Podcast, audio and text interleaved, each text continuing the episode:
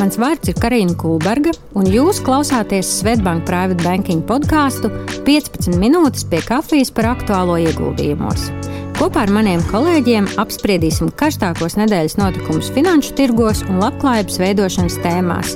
Ik nedēļu kompaktā un nepiespiestā 15 minūšu sarunā. Klausieties mūsu podkāstu Spotify Svetbank Private Banking kontā, spiediet follow un zvani ikonu, lai nepalaistu garām jaunākās sarunas. Lai labi skan un uz tikšanos! Labdien, mīļie klienti! Šodien tiekamies jau 19. jūlijā. Vasaras nu jau tiešām pavisam vidū. Ceru, ka jūs neesat tādi atvaļinājuma fobi kā Elonas Masks, par ko mēs runājām mūsu pagājušajā epizodē, un ka tomēr vasaru sanāk arī izbaudīt. Šodien esmu kopā ar savu kolēģi Mārtiņu Purgēlu. Mārtiņu, čau! Čau! Un uh, nolēmām parunāt par tādu, nu, mums liekas, diezgan aktuālu un svarīgu tēmu, par to, kas ir pēdējos arī, nu, nu jau varētu teikt, pusotrā, divos gados ļoti masveidīgi noticis arī Baltijas tirgos, ļoti daudziem sākotnējiem publiskajiem piedāvājumiem. Gribam paskatīties, kā ir gājis tiem, kas ir izgājuši publiskajā tirgu pēdējo gadu laikā. Uh, gan Mārtiņš ieskatīsies vairākos uzņēmumos, īpaši no Latvijas. Es pēc tam vēlos tā ātri pārskriet pāri arī Igaunijas stāstiem, kas tie ir uzņēmumiem un kā viņiem ir veicies, nu, lai iedod tādu mazliet lielāku priekšstatu, jo no vienas puses ir um, virkne virkni investoru, kas šo ļoti atbalsta un uzskata, ka tas veicina, protams, vietējo kapitāla tirgus attīstību, arī investoru un privāto investoru interesi. Varbūt arī citi, kas ir visai skeptiski, lūkojoties uz to, kādu profilu uzņēmumu pie mums listējas. Bet nu, par to šodien arī mazliet vairāk parunāsim. Un sākumā došu vārdu Mārtiņam, lai viņš apskata tos lielākos Latvijas uzņēmumus, kas pēdējā laikā ir izgājuši publiskajos tirgos. Jā. Un arī prieks redzēt, ka pēdējos gados, nu, pēdējos divos gados, mēs esam redzējuši vairākus jaunus publiskos piedāvājumus. Uh, nu, tur bija tendence, ka vairāk, protams, vēsturiski gāja prom uzņēmumu, un Rīgas fonda bieži bija diezgan maza Un eh, salīdzinoši eh, apgrozījums tur arī bija neliels. Bet pēdējos divos gados ir papildinājums, ir vairāk jauni uzņēmumi ienākuši akciju tirgu. Pagājušajā nedēļā tas arī bija viens jauns uzņēmums. Tas bija Indexo, kas iegāja publiskajā piedāvājumā, piedāvājot savas akcijas. Indexo ir eh, nu, ieguldījuma pārvaldības sabiedrība, kas piedāvā pensiju otro un trešo līmeni, pārvalda 500 miljonus eiro. Un ir apmēram 80 tūkstoši klientu viņu, viņu portfelī pašlaik un ar plāniem dibināt banku. Un kā tad veicās viņiem šajā publiskajā piedāvājumā? Pieprasījums bija lielāks nekā piedāvājums. Iegādāties vēlējās akcijas par 9,99 miljoniem eiro. Savukārt piedāvājumā bija 7,49 miljonus eiro akcijas vērtībā. Nu, 1,3 reizes vairāk, nedaudz par 1,3 reizēm pieprasījums pārsniedza piedāvājumu. Un, nu, iegādāties investoru skaits bija 3562, no kuriem 336 bija korporatīvi ieguldītāji. Interesanti paskatīties, protams, arī to sadalījumu. Ja mēs eh, vēsturiski redzam, ka Igauni vienmēr bijuši tādi priekšā Latvijas investoriem, tad šī IPO mēs redzam, ka 91% pēc nu, Nasdaq sniegtākas informācijas ir bijuši investori no Latvijas, un nu, no tiem deviņiem atlikušajiem lielākā daļa bijuši Igauni. Šeit ir diezgan kardināli otrāda eh, situācija, kā mēs redzējām vēsturiskajos piedāvājumos, ka Igauni vienmēr bijuši aktīvāki par mums. Kā tad noslēdzās eh, šis publiskais piedāvājums tieši nu, Eh, varbūt pēc tam biržā, kad mēs redzam, jau trīs dienas tirgojās akcijas. Publiskajā piedāvājuma cena bija 14 eiro. Tad 18. jūlijā cena noslēdzās biržā par 15 eiro. Tā tad ir kāpums. Bet nu, jāmin arī tas, ka šis ir pārāk īsts periods, lai mēs varētu izsvecināt, nu, kādi ir vidējie tirdzniecības apjomi, kāda būs kopēja aktivitāte. Tāpēc nu, ši, šai, šai akcijai pasekosim līdzi arī nākotnē mūsu podkāstos. Bet tāpēc ir interesanti arī paskatīties uzņēmumus, kur jau ir nu, 2021. gadā arī bijuši biržā. Un viens no tādiem latviešu nu, zināmiem uzņēmumiem ir Virši A akciju sabiedrība. Ir degvielas uzpildes stācijas, ilgadēja pieredze, 26 gadi, 63 stācijas nu, un pietiekami liels darbinieku skaits. Kā tad viņiem gāja? Viņi startēja biržā 11. novembrī 2021. gadā un piesaistīja arī līdzīgu summu - 7,8 miljonus.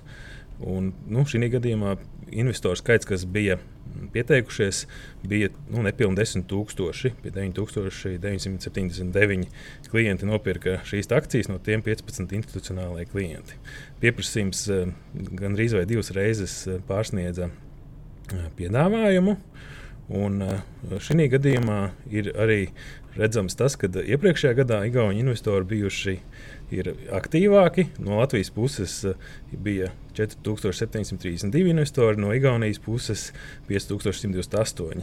Līdz ar to eh, iepriekšējā gadā Igauni bijuši daudz aktīvāki arī Latvijas tirgū. IPO cena bija 4,49 eiro par vienu akciju.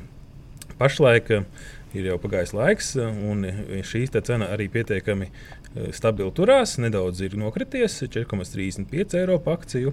Jāsaka, ka eh, nu, tā, tā tendence, kāda bijusi no paša sākuma, tad, eh, tad virsrakcija ir nu, no sākuma diezgan stabili pakāpās pēc IPO, un tad līdz ar tirgu un, un, un līdz šo, šodienai ir šī cena nedaudz, nu, jau tieši tajā pašā līmenī, nedaudz zem IPO cenas tādas tās tendences, kas ir bijušas šiem diviem Latvijas uzņēmumiem.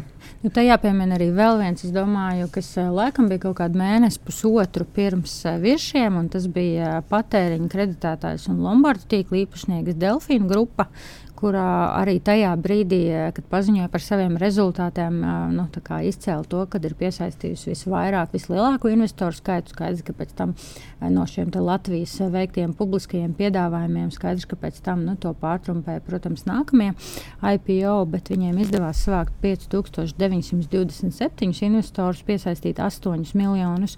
Nu, te ir atkal, diemžēl, tas rādītājs par labu Igauniem, ko Mārtiņš arī vairāk pieskārās iepriekšējos minūtēs salīdzinot iepriekšējos investoru skaits, jo tāds absolūts vairākums, 4500, čučuļi vairāk bija no Igaunijas un 1146 investori no Latvijas, no Lietuvas. Um, Delfīna IPO piedalījās salīdzinoši mazākais skaits - 153. Ja skatāmies uz tiem rezultātiem, tad IPO cena, ar kuru Delfīna grupa ienāca tirgū, bija 1,52 eiro. Skatoties uz vakardienu, tā bija kaut kur 1,44. Tātad mēs redzam, to, ka būtībā šis te, nu, kritums akcijas vērtībā ir bijis neliels, kaut kāda 5%. Tomēr attiecībā uz Delfīna grupu ir ļoti, ļoti būtiski piezīmēt to, ka, nu, kā jau arī viņi solīja savā prospektā, tā arī to viņi ir realizējuši. Šobrīd viņi ir ļoti aktīvs dividendžu izmaksātājs. Šobrīd jau um, no šī listēšanās momenta līdz šodienai šķiet ir pieteikuši un izmaksājuši dividendus jau gandrīz gandrīz piecas reizes. Un, līdz ar to tas ienesīgums patiesībā ir bijis priekš investoriem pietiekami pozitīvs. Tāpat viņi ir arī ziņo, ziņojuši par jau par pirmā pusgada rezultātiem, jo droši vien arī visi no jums, kas iegulda finanšu tirgos šajās nedēļās, ļoti aktīvi seko, lai redzētu līdz par kādiem rezultātiem tad ziņos arī pasaules lielie, tā skaitā milži un šo pusgada datus uzrādīs. Tad arī Delfīni ir nopublicējuši un uzņojuši to, ka šie apjomi viņu portfeļiem patēriņa aizdevumos ir pieauguši pusgadā pa 9. 70%, Lombardos par 65%. Un faktiski rezultāti iet ļoti stabili līdz ar plānu. Tad es zinu, Mārtiņ, ka tu gribēji paskatīties arī uz uh, diviem mazliet, mazliet jau laikam senākiem, uz Igniti un Enefitu. Kā tad tiem ir gājis? Jā, ir Enefits gan arī tikpat sens varbūt kā kā tie paši virši un delfīns ap to pašu periodu ienāca tirgu. Un uh, Enefit Greens ir diezgan liela kompānija, kas ir Igaunijas Enefit meitas uzņēmums, Enefit Energy kompānijai. Un uh, arī praktiski nesen ir uzsācis savu publisko piedāvājumu. 2021. gada 21. oktobrī ienāca Nasdaq Baltijas biržā. Šis ir diezgan unikāls piedāvājums, ņemot vērā, ka IPO pieteicās praktiski 4% no, no Igaunijas privātpersonām, kas, kas, kas ir ļoti liels skaits un parāda tādu patriotismu, kā Igauni attiecās pret savām kompānijām un ir aktīvi ieguldītāji tajos. Pati Enefit Green kompānija nodarbojas ar atjaunojamās enerģijas ražošanu. Viņiem ir 22 vēja parki, Igaunijā, Latvijā, Lietuvā, Polijā 38 saules paneļu parki. Eh, tad četras koģenerācijas stacijas un hidroelektrostacija. Mm, kopumā 20. gadā saražoja 1,35 teravatus enerģijas. Un NFT Green pieteicās 60,000 investoru. Ja mēs eh, iepriekšējos IPO aprakstījām Bet pāris tūkstoši, tad jā, šeit jau ir. Tas bija, pieņemsim, virsiem bija rekorda, rekorda skaits Latvijā. Pie nepilniem 10 tūkstošiem, tad šeit ir 60 tūkstoši, kas ir ļoti, ļoti liels. Un Baltijas mērogā tas ir lielākais uh, investoru skaits, kuri ir vēlējušies kādu akciju iepirkt. Nu, pieprasījums pārsniedz četras reizes piedāvājumu, un Enefit Green izlaida uh, savas akcijas 175 miljonu vērtībā. Sākuma cena bija 2,9, un šī gadījumā mēs arī nu, šo patriotismu un arī lielo investoru interesi redzam arī tālāk. Pati cena ir visu laiku bijusi virs, virs IPO cenas, un 18. datumā sasniedz 3,98 eiro par akciju, kas ir nu, 37% augstāk par IPO cenu. Un, un vēl interesanti, protams, šis ir energo kompānija, bet arī Ignitis, e, lietuviešu Latvijas energo alternatīva. Viņa, viņa arī iegāja e, biržā višķiņā agrāk, 2020. gada 7. oktobrī. Un Ignitis izcēlās ar to, ka tas bija lielākais Baltijā publiskais piedāvājums, kur viņi piesaistīja 450 miljonus eiro. Atšķirība bija tāda, ka Ignitis arī nu, izlaida akcijas arī, arī Londonas biržā, un tas bija jau tāds starptautisks piedāvājums, kur, kur diezgan daudzi ārvalstu investori arī nopirka šīs akcijas. Kopumā institucionālajie investori nopirka 18 miljonus akcijas, privātie nopirka 1,8 miljonus akcijas. Uh, nu, un, ja mēs skatāmies investoru sadalījumu, to privāto, tad uh, pieteicās uh, 6827 privāti investori. Šī konkrētajā gadījumā lietuvieši, protams, bija eh, visvairāk izvēlējušies eh, Ignitis 4691 Lietuvas investors privātais, no Igaunijas 1836 cilvēki bija nopirkuši. Nu, no Latvijas Eh, tikai 300 izvēlējās Ignitis grupu. Ignitis grupa ir ar ko nodarbojās, kā jau minēju, ir alternatīva tādas līdzīgas uzņēmumus kā Latvijas energo, nodarbojas ar, nu, ar, ar elektrības un gāzes pārvadīšanu, kā arī ar ražošanu. Viņi attīsta arī šobrīd diezgan aktīvi šo zaļo enerģijas parkus, kas ir viens no viņa, viņa mērķiem nākotnē. IPO cena bija 22,5 eiro, bet eh, jāsaka, ka eh, Ignitis jau no pirmās dienas tā cena tomēr bija zemāka nekā IPO cena. Tikai vienā brīdī bija uzkāpusi nepilniem 20, nu, jā, 25 eiro. Tad šobrīd cena ir 18,4 eiro, kas ir nu, gandrīz 20% zemāk par IPO cenu. Nu, jā, bet eh, man liekas arī interesanti mazliet, mazliet paskatīties. Nu, mēs vienmēr drusku tādu skaudīgu acīm arī tagad salīdzinot investoru skaitu, lūkojamies uz Igauniem un ko viņi dara šajā jomā. Un, protams, ka paskatījos arī tos IPO, kas pie viņiem ir tad, tad jaunie izveiktie publiskie piedāvājumi no pagājušā gada noslēguma, kādus apskatījus, maz kādus septiņus. Un, tās tendences diezgan interesantas. Tad pāris punktos padaloties ar jums, viens, ko ļoti, ļoti izteikti un skaidri varēja redzēt, ka bija tāda tāda um, ārkārtīgi liels, ja tā var teikt, optimisms un ieguldītāju skaits, kas uh, līdz jaunajam gadam vēlējās piedalīties šajos IPO. Nu, gan, uh, gan uh, tādā IPO, kas no, no, notika vienam no lielākajiem nekustamā īpašuma attīstītājiem Igaunijā, Hepsoram. Un, uh, tur būtībā šis piesaistot 10 miljonus uh, kopumā piedalījās IPO 19,000 investoru. Tas droši vien pie, nu, būtībā šis pieprasījums pārsniedz akciju apjomu 8,7 reizes. Un, uh, savā ziņā varbūt arī tas neizbrīna, jo mēs, protams, zinām, ka nu, šis nekustamais īpašums un Šī joma ir ļoti, ļoti aktuāla, kā ieguldījumu veids ne tikai mūsu klientu vidū, bet droši vien šādā veidā arī var uh, to iegādāties. Nu, klienti ar mazākiem uh, labklājības apjomiem un IPO cena uh, bija 11,7 eiro. Noteikti nu, šobrīd tā ir pakritusies par procentiem 20, bet nu, arī skatoties pēdējās preses relīzes, tad Hepsors ļoti aktīvi turpina būvniecību un attīsta nākamos projektus. Pieņemsim, Mārupē, tā kā līdz ar to tie ieskati ir. Bet varbūt vairāk no tādiem mm, pēdējā laika šiem IPO Igaunijā pārsteidz piemēram tāds uzņēmums kā Hagenbaiks, kas ir Igaunijas kravas velospēdu ražotājs. un arī viņi nolistējās būtībā pagājušā gada pavisam, pavisam izskaņātā ziņa preses relīze ir no 29. decembra, kur viņi ziņo to, ka bija mērķis bija piesaistīt 510 tūkstošus eiro, bet kopējais pie, pieprasījums pēc akcijām sasniedz 7,45 miljonus, tādējādi pārsniedzot apjomu 15 reizes gandrīz. Ja? Nu, tā interese ārkārtīgi liela, un piedāvājumā piedalījās 6500 500 investori. Es atgādinu, nu, ka tas bija teiksim, priekš tādiem kā uh, delfīnu listēšanās, varbūt bija tāds, nu, tāds absolūtais maksimums, ko sagaidīja būtībā no visas Baltijas kopumā. Un tajā piemēram tas, ka nu, tiešām šis uzņēmums, piemēram, salīdzinājumā nu, ir ārkārtīgi, ārkārtīgi mazs un var teikt, nu, kaut kādā mērā varbūt pat tāds startup veidīgs, jo nu, pēdējā viņu ziņa ir par to, ka maijā sasniedz rekorda apjoms apgrozījumā, kas ir bijis 26,000. Viņu pašu prognozēs pie IPO. Viņi ir listējušies starp citu šajā Baltijas First North tirgu. Līdz ar to nu, tas prospekts varbūt bija tāds saīsinātāks, bet nu, viņu mērķis bija šogad sasniegt kopumā 773,000 apgrozījumā. Līdz ar to priekš tādas salīdzinoši jaunu un nelielu uzņēmumu nu, tā interese bija ārkārtīgi, ārkārtīgi liela. Skaidrs, ka e, iestājoties kara situācijā, tad, būtībā šis optimisms par tirgu krietni samazinājās.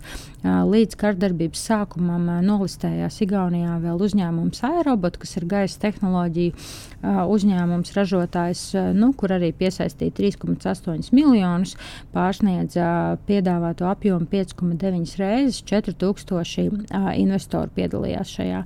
Bet atkal apgrozījums nu, kopš tā brīža IPO, no IPO cenas tas kritums ir bijis kaut kur pa 20%. Nu, uzņēmums ir salīdzinoši patiešām maziņš, apgrozījums vien nepilni 500 tūkstoši eiro ir bijis pa pagājušo gadu. Un tad, kā jau minēju, tad būtībā tas pieprasījums eh, diezgan radikāli pamainījās eh, ar, ar, ar, ar kara sākumu.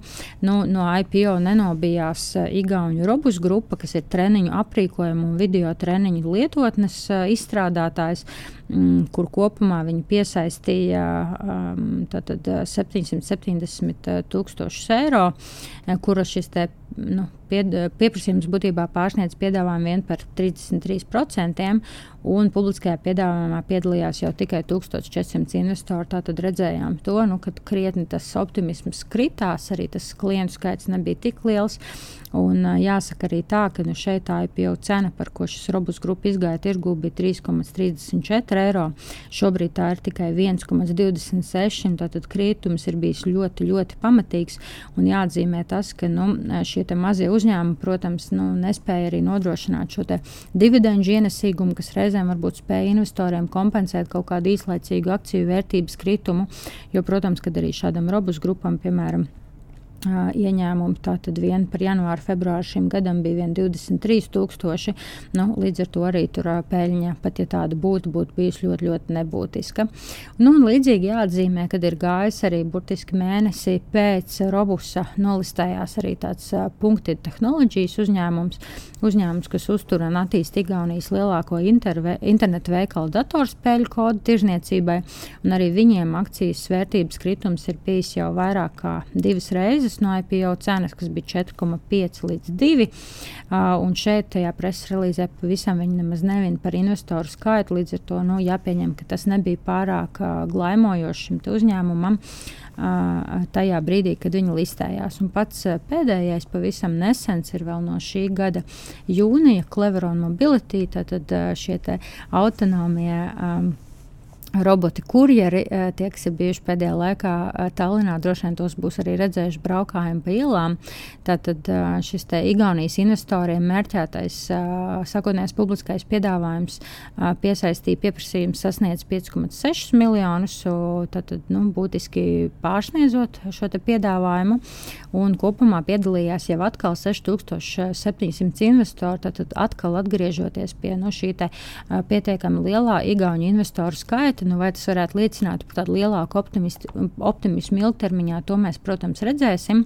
Un, tad, nu, šobrīd, protams, tas listings nav bijis tik ilgs. IPO cena bija 1,87 eiro, šobrīd ir 1,7. Uzņēmums arī burtiski šīs nedēļas sākumā paziņoja par to, ka sāk sadarboties ar IKEA lielveikalu tīklu, lai palīdzētu viņiem ar šo lāstu mailu piegādi klientiem. Un atkal jāsaka tā, ka, nu, protams, šie 6700 investori ļoti drosmīgi uzticējušies uzņēmumam ļoti, ļoti agrīnā stadijā, jo apgrozījuma prognoze. Um, Tātad šim Cleveron Mobility bija šim gadam sasniegt 50 tūkstošus eiro, bet nu, tad jau tādā raķetē šauties ļoti ātri augšā uz 600 tūkstošiem nākamgad un 24. gadā 3,5 miljoniem. Bet nu, būtībā šajā momentā uzņēmums ārkārtīgi, ārkārtīgi uh, maziņš, nu, droši vien arī ar pietiekami lieliem kaut kādiem riskiem, ko cerams šie investori iekalkulējuši ir savā vēlmē iegādāties šīs akcijas. Nu, tā, tā kā līdz ar to šoreiz nolēmām pievērsties vairāk, paskatīties ieskatīties tajā, kas ir noticis sākotnējo publisko piedāvājumu tirgu, redzam, ka tās tendences ir arī kaut kādā mērā dažādas. Ir šie mazākie uzņēmumi, kas iespējams akciju vērtību cietusi vairāk, ir arī vairāk lielie, ko arī Mārtiņš pieminēja, kuriem varbūt nemaz neklājās to investoriem tik, tik slikti šajā brīdī. Jāsaka, jāsaka ka to jau nevar vienā, vienā, vienā grozā likt. Viņi visi ir ļoti, ļoti atšķirīgi. Un arī pēc tā perioda, kur mēs viņus vērtēsim, tur arī noteikti būs tik daudz dažādas lietas. Viens maksās dividendus, otrs nemaksās, viens būs pavisam maziņš, viens vēl tikai ar peļņu teikt, nākotnē. Līdz ar to Jā. ļoti atšķirīgi arī šie paši Enefit un Ignitis ļoti milzīgi, bet re, otrajā pusē mēs redzam ļoti, ļoti maziņš ar, ar, ar lielām cerībām uz nākotni atkal. Jā, un turpināsim sekot līdzi, kā attīstās šī, šo uzņēmumu darbība. Protams, arī, ja gribās kaut kādas proaktīvas idejas pasmelties, tad aicinām izskatīt uh, idejas listu, ko ik ceturknis sagatavo arī mūsu Svetbanka analītiķi ar pāris idejām par to, kas viņiem liekas aktuāls no ieguldījumiem Baltijas un Ziemeļvalstu tirgos. Tie klienti, kas tādu interesi jau ir izteikuši, to ir arī pēdējo saņēmuši. Ja tādu neesat saņēmuši, bet interesi jums ir, noteikti pieskieties pie savu uh, privātu banķiera visādi citādi, tad lai izdodas vēl izbaudīt vasaru. Paldies jums! Tā. tā. Audio saturā dzirdētā informācija nav uzskatāms par ieguldījumu konsultāciju vai ieteikumu slēgt finanšu tirgus darījumus vai ieguldīt finanšu instrumentos. Paldies, ka noklausījāties mūsu sarunu šodien. Atgādinu, ka, lai nenokavētu jaunākās epizodes, spiediet follow un zvaniņu ikonu Spotify kontā Svetbank Private Banking, lai laba diena un uz drīzu tikšanos!